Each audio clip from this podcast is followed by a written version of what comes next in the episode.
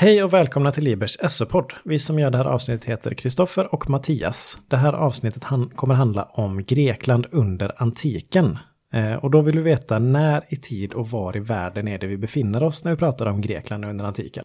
Om vi börjar med antiken så är ju det då en historisk epok som man brukar räkna från cirka 2000 före Kristus till cirka 500 efter Kristus, alltså 2500 år ungefär.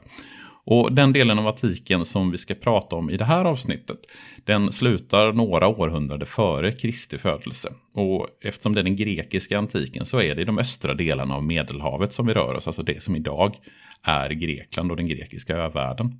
Så varför börjar man just runt 2000 före Kristus? Vad är det som händer då som är speciellt? Det är därifrån vi har de tidigaste lämningarna av någonting som vi skulle kunna kalla en europeisk högkultur. Den så kallade minoiska högkulturen. Och den här minoiska högkulturen som då är den äldsta i Europa den var på Kreta, som är en grekisk ö. Det som är lite speciellt med den minoiska högkulturen, det är att den förmodligen var ganska fredlig.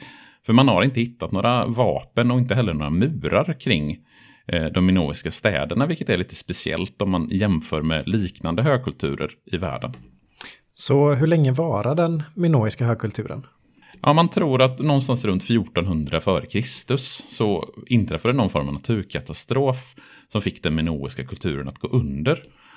Om vi sedan hoppar några hundra år framåt till cirka 800 f.Kr så finns det lämningar från andra grekiska folk. Och det vi ska komma ihåg det är ju att grekerna då var ett sjöfarande folk som erövrade områden runt om i östra medelhavet och grundade det, grundade det vi kallar för kolonier. Och det som är gemensamt för grekerna det är ju att de talar samma språk och att de har något sån här liknande religion. De har tro på samma gudar till exempel. Um, hur var den grekiska kulturen? Var den lika konfliktfri och fredlig som minornas? Nej, det är ju snarare så att den här perioden från 800 f.Kr. och framåt präglas av ganska många konflikter och ganska många krig. Eh, dels så krigade grekerna mot perserna och perserna är ett folk eh, som kommer från det som idag är Iran. Dessutom var det ganska mycket konflikter mellan olika grekiska stadsstater och framförallt med de två stora stadsstaterna Aten och Sparta.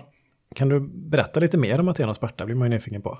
Ja, Aten och Sparta är då två helt olika stadsstater. Och en stadsstat till att börja med, det är ju en, ett, som ett land som bara består av en stad, alltså ett ganska litet land. Och Aten var ju då den största stadsstaten i det grekiska riket, eller den grekiska kulturen. Och det man kanske framförallt förknippar Aten med, det är ju införandet av demokrati. Ordet demokrati kommer ju från grekiskan. Men den demokrati som fanns i Aten skiljer sig ganska mycket från det vi idag kallar för demokrati. För de enda som fick vara med och bestämma, det var fria män som var födda i Aten av atenska föräldrar, vilket gjorde att till exempel kvinnor och slavar fick inte vara med och bestämma.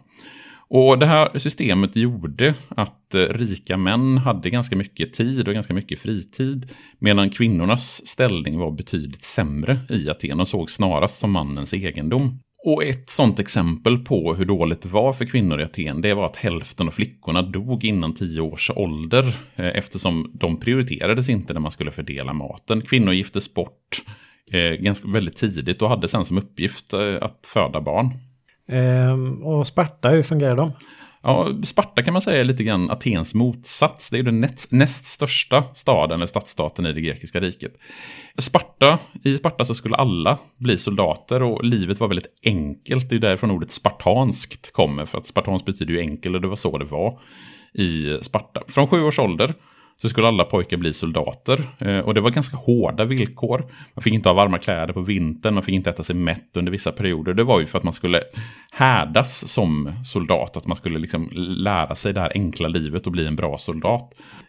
Kvinnorna i Sparta hade det betydligt bättre än kvinnorna i Aten. Eh, till exempel så fick kvinnor ärva, de fick skilja sig, de fick gå på fester och teater, vilket kvinnor i Aten inte fick göra.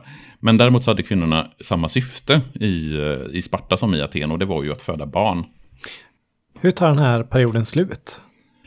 Ja, under 400-talet så är det en rad eh, krig mellan Aten och Sparta under nästan ett helt sekel, de peloponnoiska krigen. Och Sparta vinner kriget och Aten är i princip krossat. Men Sparta är väldigt försvagat efter de här krigen. Och då kommer Alexander den store ifrån Makedonien in på scenen och tar över. Och grundar under sin ganska korta tid vid makten ett jätterike som går långt in i Asien.